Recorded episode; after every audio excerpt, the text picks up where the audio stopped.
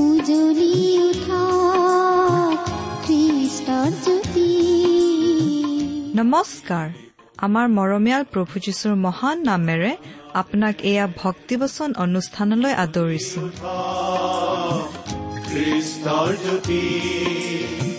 আকাশ মুখৰিত কৰি গাঁও সবে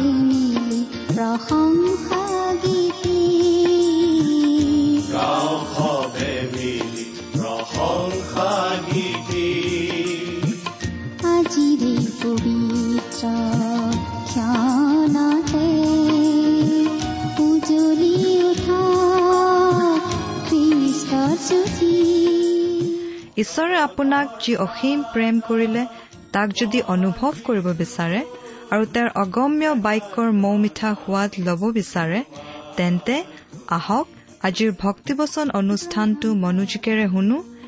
এয়া আপোনালৈ আগবঢ়াইছো। ঈশ্বৰৰ জীৱন্ত বাক্যৰ অনুষ্ঠান ভক্তিবচন।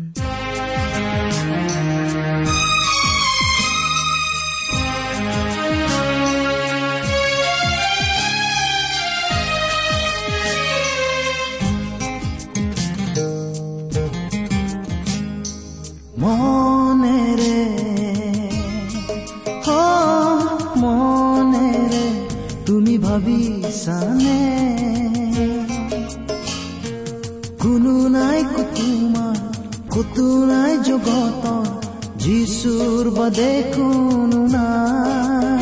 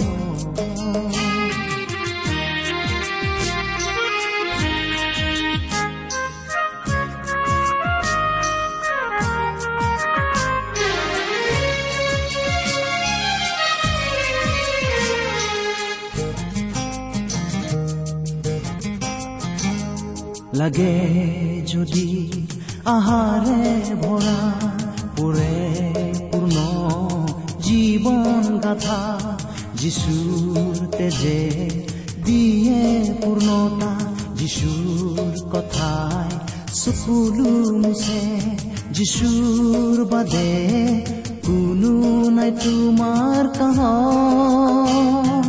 মনেৰে মনেৰে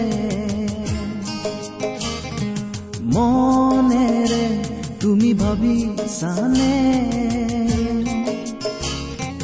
কোনো নাই তোমাৰ কতো নাই জগত যিচুৰ বাদে কোনো নাই। আমাৰ পৰম পবিত্ৰ প্ৰভু যীশুখ্ৰীষ্টৰ নামত নমস্কাৰ প্ৰিয় শ্ৰোতা। আশা কৰো মহান পিতা পৰমেশ্বৰৰ মহান অনুগ্ৰহত আপুনি ভালে কুশলে আছে। আমি এই বুলিও আশা কৰিছো যে আপুনি আমাৰ এই ভক্তিবচন অনুষ্ঠানটো নিয়মিতভাৱে শুনি আছে। যদিহে আজি প্ৰথমবাৰৰ বাবে শুনিছে শুনি কেনে পালে আমালৈ চিঠি লিখি জনাবচোন? আৰু যদিহে আপুনি আমাৰ নিয়মীয়া শ্ৰোতা কিন্তু কেতিয়াও আমালৈ চিঠি পত্ৰ লিখা নাই তেনেহলে আজিয়েই দুষাৰিমান লিখি পঠিয়াবচোন। আৰু যদিহে আপুনি মাজে সময়ে আমালৈ চিঠি পত্ৰ লিখি আছে তেনেহলে আপোনাক ধন্যবাদ জনাইছো। আমাৰ যোগাযোগৰ ঠিকনা ভক্তিবচন টি ডব্লিউ আৰ ইণ্ডিয়া ডাক বাকচ নম্বৰ সাত শূন্য গুৱাহাটী সাত আঠ এক শূন্য শূন্য এক। T W R India post box number seventy Guwahati seven eight one zero' zero' one আমাৰ website W W W dot radio' eight eight two dot com আহকচোন বাইবেল অধ্যয়ন আৰম্ভ কৰাৰ আগতে খন্তেক প্ৰাৰ্থনাত মূৰ দুৱাওঁ। স্বৰ্গত থকা অসীম দয়ালু পিতৃ ঈশ্বৰ তোমাৰ মহান নামৰ ধন্যবাদ কৰো। তুমি সৰ্বশক্তিমান সৰ্বব্যাপী সৰ্বজ্ঞানী ঈশ্বৰ হৈও আমাৰ দৰে ক্ষুদ্ৰ মানৱক যে ইমান প্ৰেম কৰা সেই কথা ভাবিলেই আচৰিত হওঁ। তুমি আমাক ইমানেই প্ৰেম কৰিলা যে আমাক পৰিত্ৰাণ দিবলৈ তুমি তোমাৰ একেজাত পুত্ৰ যীশুখ্ৰীষ্টকেই আমালৈ দান কৰিলা। তেওঁ আমাৰ সকলো পাপৰ বোজা নিজৰ কান্ধত লৈ আমাৰ হৈ ক্ৰোচত প্ৰাণ দিলে। নিজৰ পবিত্ৰ তেজেৰে আমাৰ পাপৰ প্ৰাচিত্য কৰিলে। আজি তেওঁত বিশ্বাস কৰি আমি অনন্ত জীৱন লাভ কৰি তোমাক পিতৃ বুলি মাতিব পৰা হৈছো। তাৰ বাবে তোমাক অশেষ ধন্যবাদ পিতা। এতিয়া আমি তোমাৰ মহান বাক্য বাইবেল শাস্ত্ৰ অধ্যয়ন কৰিবলৈ ওলাইছো প্ৰাৰ্থনা কৰিছো। তোমাৰ বাক্য তুমিয়েই আমাক বুজাই দিয়া। কিয়নো এই প্ৰাৰ্থনা আমাৰ মহান ত্ৰাণকৰ্তা মৃত্যুঞ্জয় প্ৰভু যীশুখ্ৰীষ্টৰ নামত আগবঢ়াইছো। আমেন।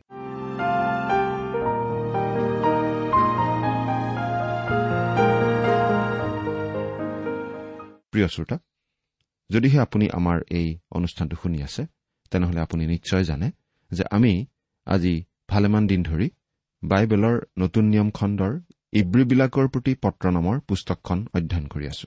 নহয়নে?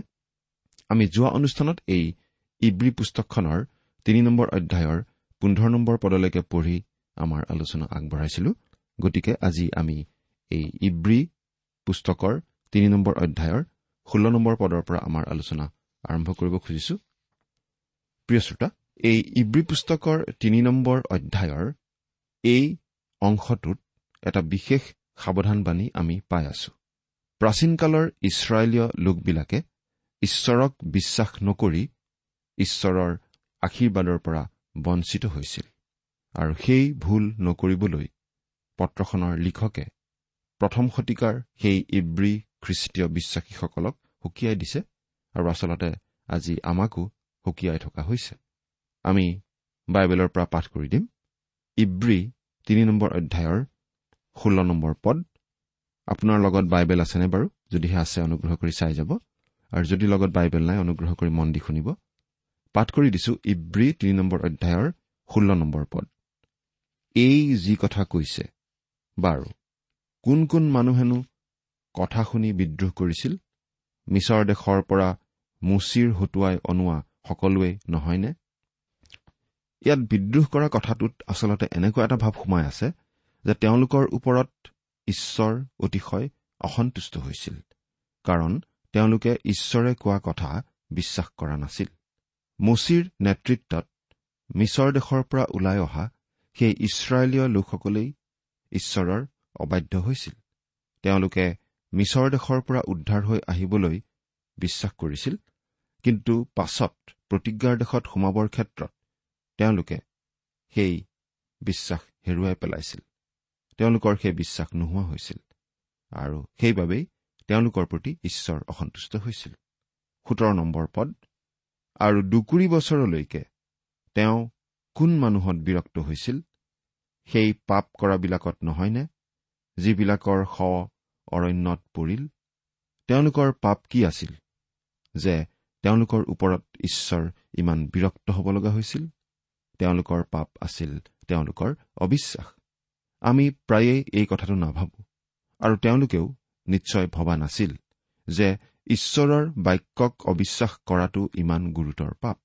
ই অতি গুৰুতৰ পাপ কাৰণ ইয়াৰ পৰা আন আন পাপৰ জন্ম হয়। অৰণ্যত সেই ইছৰাইলীয়া লোকসকলৰ ক্ষেত্ৰত এই অবিশ্বাসৰ পৰা তেওঁলোকৰ মাজত ডামুৰীৰ প্ৰতিমা উপাসনা কৰা পাপটোৰ জন্ম হৈছিল। ইয়াৰ পৰাই হৈছিলগৈ ব্যভিচাৰ আৰু অৱশেষত ঈশ্বৰক সম্পূৰ্ণভাৱে অস্বীকাৰ কৰি ঈশ্বৰক একেবাৰে পিঠি দিয়া অৱস্থা এটা তেওঁলোকৰ মাজলৈ আহিছিল। তেওঁলোকে ঈশ্বৰলৈ পিঠি দিছিল আৰু আনকি মিছৰ দেশলৈ আকৌ উভতি যাবলৈ তেওঁলোকে ইচ্ছা কৰিছিল। তেওঁলোকে এই সিদ্ধান্তত উপনীত হৈছিল যে বিশ্বাসেৰে আগবাঢ়ি গৈ প্ৰতিজ্ঞাৰ দেশত প্ৰৱেশ কৰাতকৈ মিছৰ দেশত দাস হিচাপে জীৱন কটোৱাই ভাল। প্ৰিয় শ্ৰোতা অতি দুখৰ বিষয় যে আজিও বহুতো এনেকুৱা খ্ৰীষ্টীয় বিশ্বাসী আছে। তেওঁলোকে জগতখনৰ পিছে পিছেহে চলিবলৈ ভাল পায়।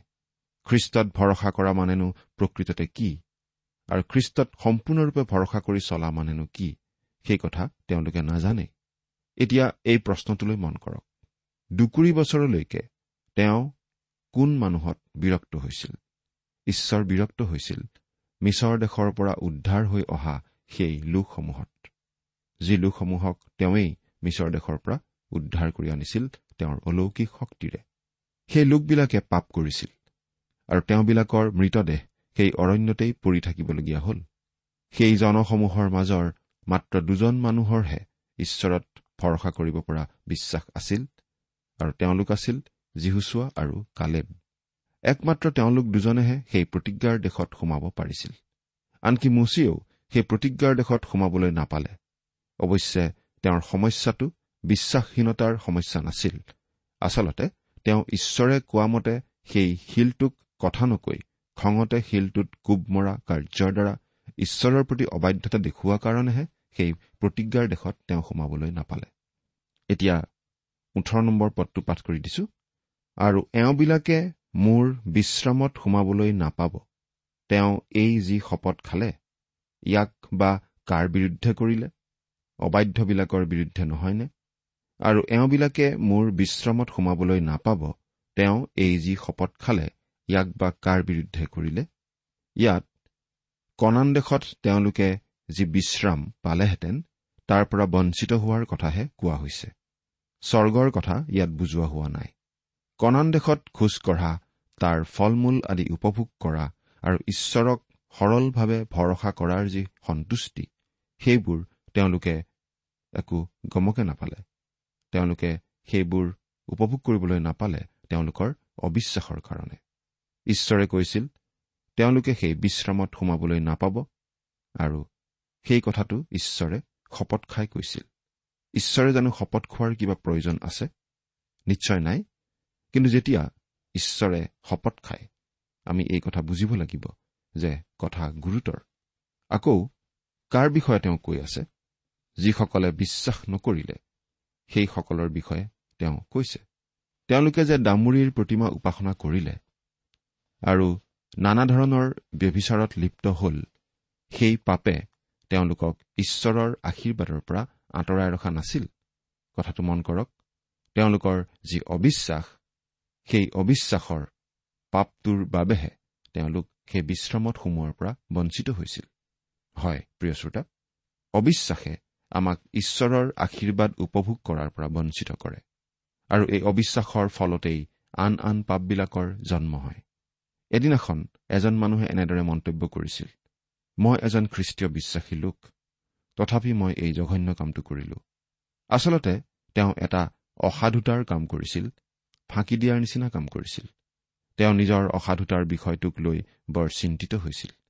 কিন্তু তাৰ মূল কাৰণটো অৱহেলা কৰিছিল। তেওঁ আচলতে ঈশ্বৰক ভৰসা কৰা নাছিল। সেই কথাটোৱেহে আমাক বেছি আমনি দিয়া উচিত। এতিয়া পাঠ কৰি দিম ঊনৈশ নম্বৰ পদ। ইয়াতে আমি দেখিবলৈ পাইছো যে অবিশ্বাসৰ কাৰণেই তেওঁবিলাকে সোমাব নোৱাৰিলে। বাইবেলৰ এই পদটো আমি আচলতে সকলোৱে দাগ দি ৰাখিব লাগে। আজি আপুনি মই বেছিভাগ লোকেই ঈশ্বৰৰ আশীৰ্বাদ হেৰুৱাই আছো অবিশ্বাসৰ কাৰণে। এতিয়া আমি এই ইব্ৰী পুস্তকৰ চাৰি নম্বৰ অধ্যায়ৰ পৰা চাব খুজিছো। এই চাৰি নম্বৰ অধ্যায়ত আমি দুটা কথা বিশেষভাৱে পাওঁ। যীশুখ্ৰীষ্ট যীহুচোৱাতকৈ শ্ৰেষ্ঠ আৰু যীশুখ্ৰীষ্ট লেবিয়া পুৰোহিতসকলতকৈও শ্ৰেষ্ঠ। কিন্তু চাৰি নম্বৰ অধ্যায়ৰ প্ৰথম পদ দুটাত আমি তিনি নম্বৰ অধ্যায়ত পোৱা সাৱধানবাণীৰ কথাটোৱেই চলি থকা দেখিবলৈ পাওঁ।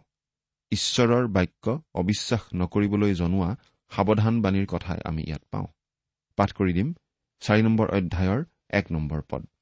এতেকে আমি ভয়েৰে থাকো হওক কাৰণ তেওঁৰ বিশ্ৰামত সোমাবৰ প্ৰতিজ্ঞা থাকিলেও কিজানি কেনেবাকৈ তোমালোকৰ কোনোক তাৰ পৰা বঞ্চিত হোৱা যেন দেখা যায়। আমি ইব্ৰী পত্ৰখনত এই প্ৰথম থাকোহক বোলা কথাষাৰ পালো অৰ্থাৎ এনেদৰে আহান জনোৱা পালো। পাচনি পৌলে সেই ইব্ৰী খ্ৰীষ্টীয় বিশ্বাসীসকলক অনবৰতেই আহান জনাই আছে প্ৰভুৰ পিছে পিছে চলিবলৈ। তেওঁলোকক তেওঁ অনবৰতেই প্ৰত্যাহ্বান জনাই আছে। এয়া আমি প্ৰথমটো আহ্বান পালো। কিন্তু এনেকুৱা আহ্বান আৰু কেইবাটাও আমি ইয়াত পাম। এতেকে ভয়েৰে থাকোহক বহুতো মানুহে আনকি ঈশ্বৰৰ বাক্যটো দুখ বিচাৰি থাকে। তেনেকুৱা মানুহে এই কথাটো পঢ়ি হয়তো এনেদৰে ক'ব যে এই কথাখিনি বাইবেলৰ আন ঠাইত থকা কথাৰ বিৰুদ্ধে কোৱা কথাৰ নিচিনা। ৰুমিয়া আঠ নম্বৰ অধ্যায়ৰ পাঁচ নম্বৰ পদত আমি এনেদৰে পাওঁ কিয়নো মাংসৰ অনুসাৰে হোৱাবিলাকে মাংসিক বিষয় ভাবে কিন্তু আত্মাৰ অনুসাৰে হোৱাবিলাকে আত্মিক বিষয় ভাবে। আকৌ দ্বিতীয় তিমঠিয় এক নম্বৰ অধ্যায়ৰ সাত নম্বৰ পদত আমি এই বুলি পঢ়িবলৈ পাওঁ কিয়নো ঈশ্বৰে আমাক ভয়ৰ আত্মা নিদি শক্তি প্ৰেম আৰু সুবুদ্ধিৰ আত্মা দিলে। সেইসকল লোকৰ প্ৰতি উত্তৰ হিচাপে এজন বিখ্যাত শিক্ষকে এটা বাণী দিছিল যেতিয়া ভয় কৰাটো ভুল নহয়। ফেটিসাপ এডাল দেখিলে আপোনাৰ নিশ্চয় ভয় লাগে।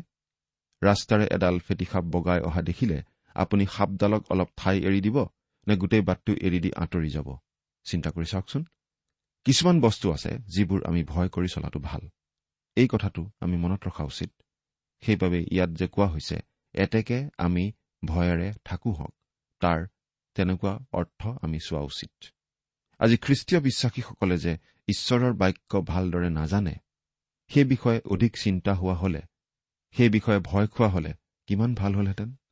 এটা খ্ৰীষ্টীয় মণ্ডলীৰ ডিকন বৰ্ডৰ সভ্য এজন আছিল। তেওঁ সেই চহৰৰ প্ৰায় সকলোবিলাক কমিটিৰেই সদস্য আছিল কাৰণ তেওঁৰ বহুত টকা পইচা আছিল।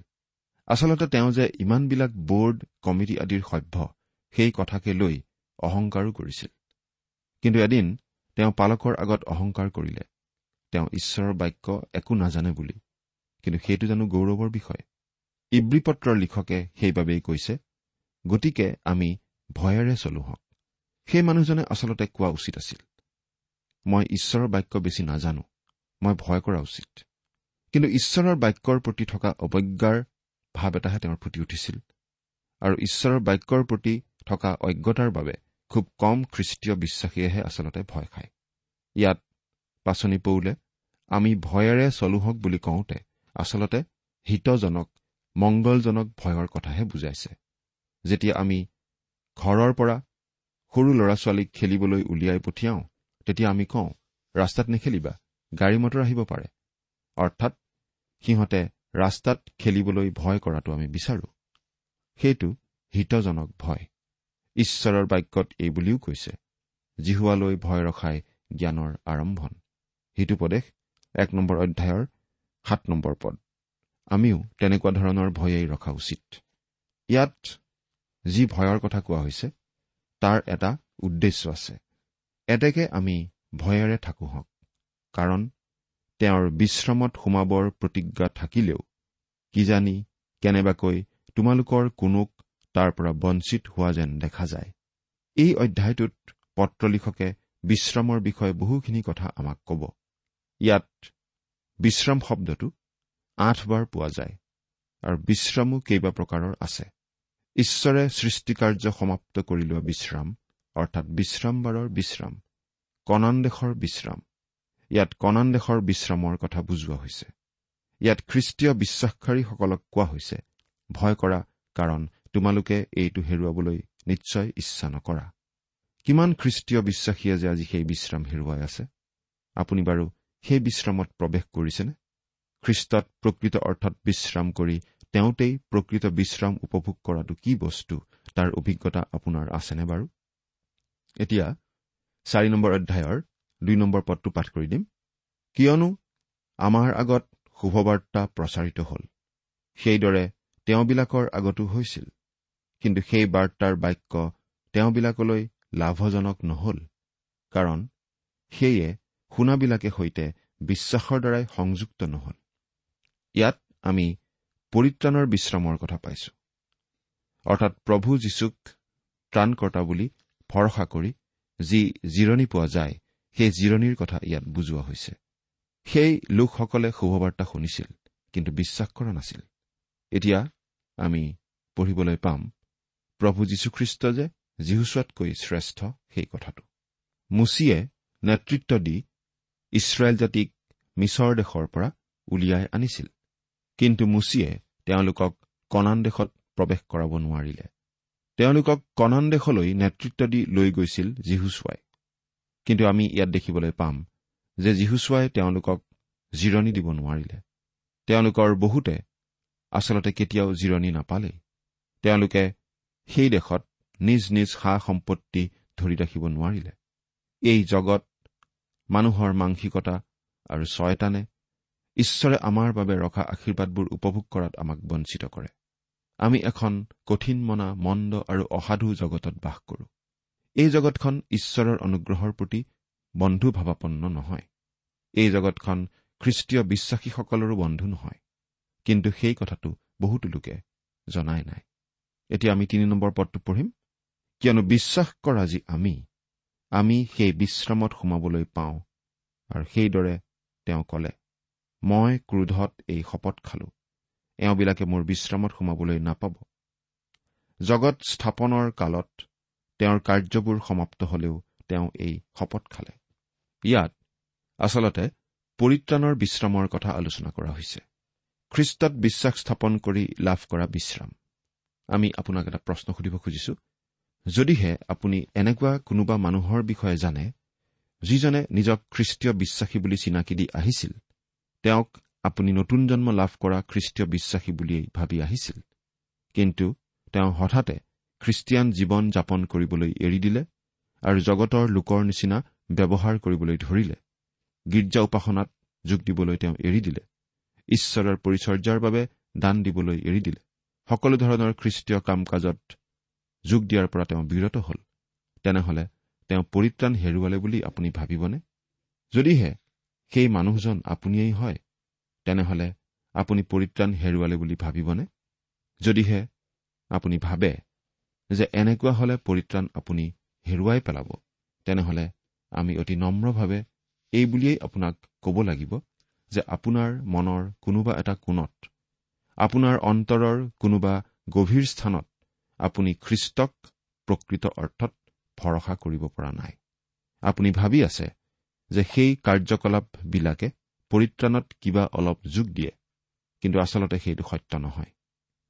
আপুনি সম্পূৰ্ণভাৱে খ্ৰীষ্টতেই ভৰসা কৰিব লাগিব আৰু এই কথা কোৱাৰ বাবে আমাক ভুল নুবুজিব। আমি বিশ্বাস কৰোঁ যে যদিহে আপুনি খ্ৰীষ্টত ভৰসা আৰু বিশ্বাস কৰিছে তেনেহলে সেই কাম কাজবোৰ আপুনি স্বাভাৱিকভাৱেই কৰি যাব। কিন্তু সেই কাম কাজবোৰত যোগ দিয়াৰ জৰিয়তে আপোনাৰ পৰিত্ৰাণত একো সহায় নহয়। আমাৰ পৰিত্ৰাণ একমাত্ৰ খ্ৰীষ্টত বিশ্বাস কৰাৰ দ্বাৰাহে আমি লাভ কৰোঁ। প্ৰিয় শ্ৰোতা আপুনি বাৰু পৰিত্ৰাণৰ সেই বিশ্ৰামত প্ৰৱেশ কৰিছেনে? চাৰি নম্বৰ পদ। কিয়নো এঠাইত তেওঁ সপ্তম দিনৰ বিষয়ে কৈছে বোলে আৰু সপ্তম দিনা ঈশ্বৰে তেওঁৰ সকলো কৰ্মৰ পৰা বিশ্ৰাম কৰিলে। এতিয়া বিশ্ৰামবাৰৰ কথা কোৱা হৈছে। ঈশ্বৰে এই সৃষ্টিকাৰ্য সমাপ্ত কৰি সপ্তম দিনা বিশ্ৰাম লৈছিল আৰু সেই দিনটোৱেই বিশ্ৰাম দিন। কিন্তু আজিকালি বিশ্ৰাম দিনটো আমি পালন কৰা এটা দিন নহয়। আপুনি বাৰু প্ৰকৃততে বিশ্ৰামবাৰত প্ৰৱেশ কৰিছেনে? খ্ৰীষ্টত বিশ্বাস কৰা আৰু কেৱল তেওঁতেই বিশ্বাস স্থাপন কৰাৰ যোগেদি যি জিৰণি যি প্ৰশান্তি যি মানসিক আৰু আম্মিক বিশ্ৰাম লাভ কৰা যায় সেই বিশ্ৰাম বাৰু আপুনি লাভ কৰিছেনে? নে আপুনি আৰু কিবা কিবিৰ ওপৰত আস্থা ৰাখি আছে? নে কেৱল খ্ৰীষ্টতেই ভৰসা কৰিছে? আপুনি বিশ্ৰামত প্ৰৱেশ কৰিছেনে? আচলতে প্ৰকৃত খ্ৰীষ্টীয় বিশ্বাসীজনৰ বাবে প্ৰতিটো দিনেই বিশ্ৰাম দিন। আজি আচলতে বিশ্ৰাম বাৰ মানে হৈছে আমি বাস কৰি থকা এই অনুগ্ৰহৰ যুগটো। আৰু খ্ৰীষ্ট নিজে সেই বিশ্ৰাম বাৰ আমাৰ বাবে। তেওঁ ক্ৰুচত আমাৰ হকে মৃত্যুবৰণ কৰি পুনৰ জি উঠি স্বৰ্গত এতিয়া পিতৃ ঈশ্বৰৰ সোঁহাতে বহিল। তেওঁ বহিল তেওঁৰ ভাগৰ লগা কাৰণে নহয় কিন্তু আমাৰ সকলোৰে মুক্তিৰ বাবে প্ৰয়োজনীয় কাম সমাপ্ত কৰা হ'ল বাবেহে তেওঁ বহিল। গতিকে আজি তেওঁ আমাক ক'ব পাৰে তুমি মুঠ জিৰণি লোৱা। গতিকে যদিহে আমি খ্ৰীষ্টত জিৰণি লওঁ তেনেহলে প্ৰতিটো দিনেই আমাৰ বাবে বিশ্ৰামৰ দিন। পাঁচ আৰু ছয় নম্বৰ পদ পুনৰাই তেওঁ এই ঠাইত কয় এওঁবিলাকে মোৰ বিশ্ৰামত সোমাবলৈ নাপাব। এতেকে তাত কোনোবা কোনোবাই যে যেনে হলেও সোমাব এই সোমোৱাটো বাকী থকাত। আৰু যিবিলাকৰ আগত শুভবাৰ্তা আগেয়ে প্ৰচাৰিত হৈছিল তেওঁবিলাকে অবিশ্বাসৰ কাৰণে সোমাবলৈ নোপোৱাত। একমাত্ৰ অবিশ্বাসেহে আমাৰ পৰা পৰিত্ৰাণৰ বিশ্ৰাম কাঢ়ি নিব পাৰে। ঈশ্বৰে আমাক দিব খোজা সন্তুষ্টি আৰু আশীৰ্বাদ আমাৰ পৰা কাঢ়ি নিব পাৰে আমাৰ অবিশ্বাসে। ঈশ্বৰে আমাক কেনে সুন্দৰ বিশ্ৰাম দিব বিচাৰে আমি মাত্ৰ বিশ্বাস কৰি গ্ৰহণহে কৰিব লাগে। সাত নম্বৰ পদ।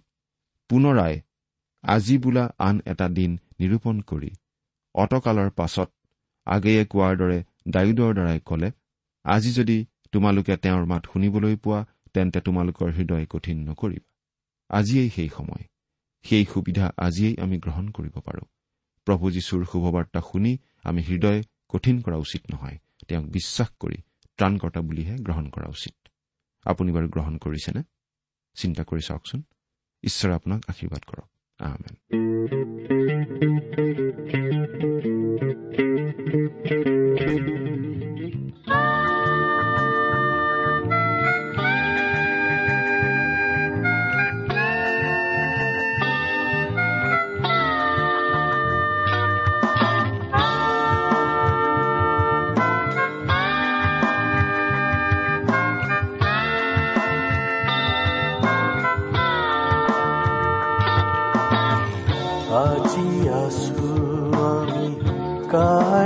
নাই ইমান পৰে আপুনি ভক্তিবচন অনুষ্ঠানটি শুনিলে। অনুষ্ঠানটি শুনি কেনে পালে আমালৈ চিঠি লিখি জনাবচোন?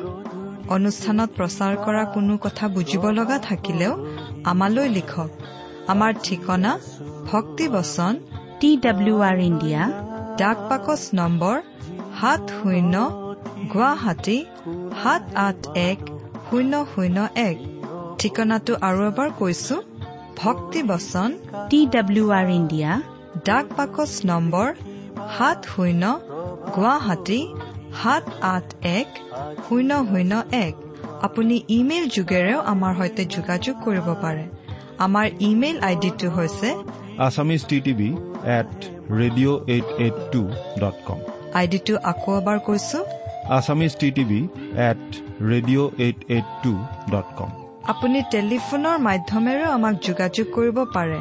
আমাৰ টেলিফোন নম্বৰটো হৈছে শূন্য তিনি ছয় এক দুই ছয় শূন্য চাৰি ছয় সাত এক। ফোন নম্বৰটো আকৌ এবাৰ কৈছো zero' three six one two six zero' four six seven one আজিৰ অনুষ্ঠানটি ইমানতে সামৰিছো। ঈশ্বৰৰ শান্তি আৰু অনুগ্ৰহ আপোনাৰ লগত থাকক। ধন্যবাদ।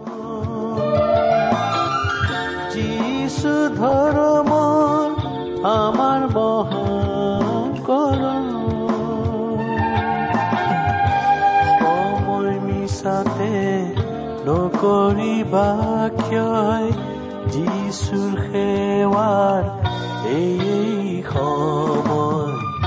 আজি আছো আমি কাইলৈ নাই জীৱনথি শুনাহে মানুহ ভাই হ'ব মিছাতে পৰিচিকা চাই গধূলি দেখিবা প্ৰভাত পৰহি যায় আজি আছো আমি কাইলৈ নাই জীৱনথিৰ শুনাহে মানুহ ভাই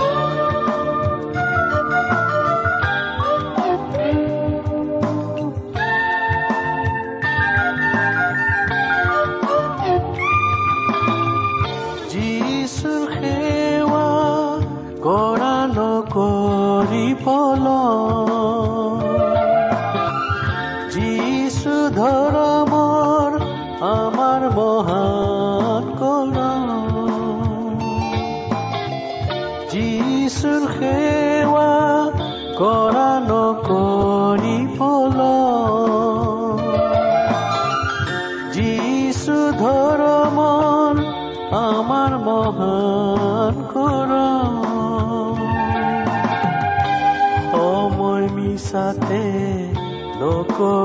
নকৰিবা ক্ষয় যিছুৰ সেৱাৰ এই সময় আজি আছো কাইলৈ নাই জীৱনথিৰ শুনাহে মানুহ কি হ'ব মিছাতে পৰিচিকা চাই গধূলি দেখিবা প্ৰভাত পৰহি যায়। আজি আছো আমি কাইলৈ নাই জীৱনথিৰ শুনাহে মানুহ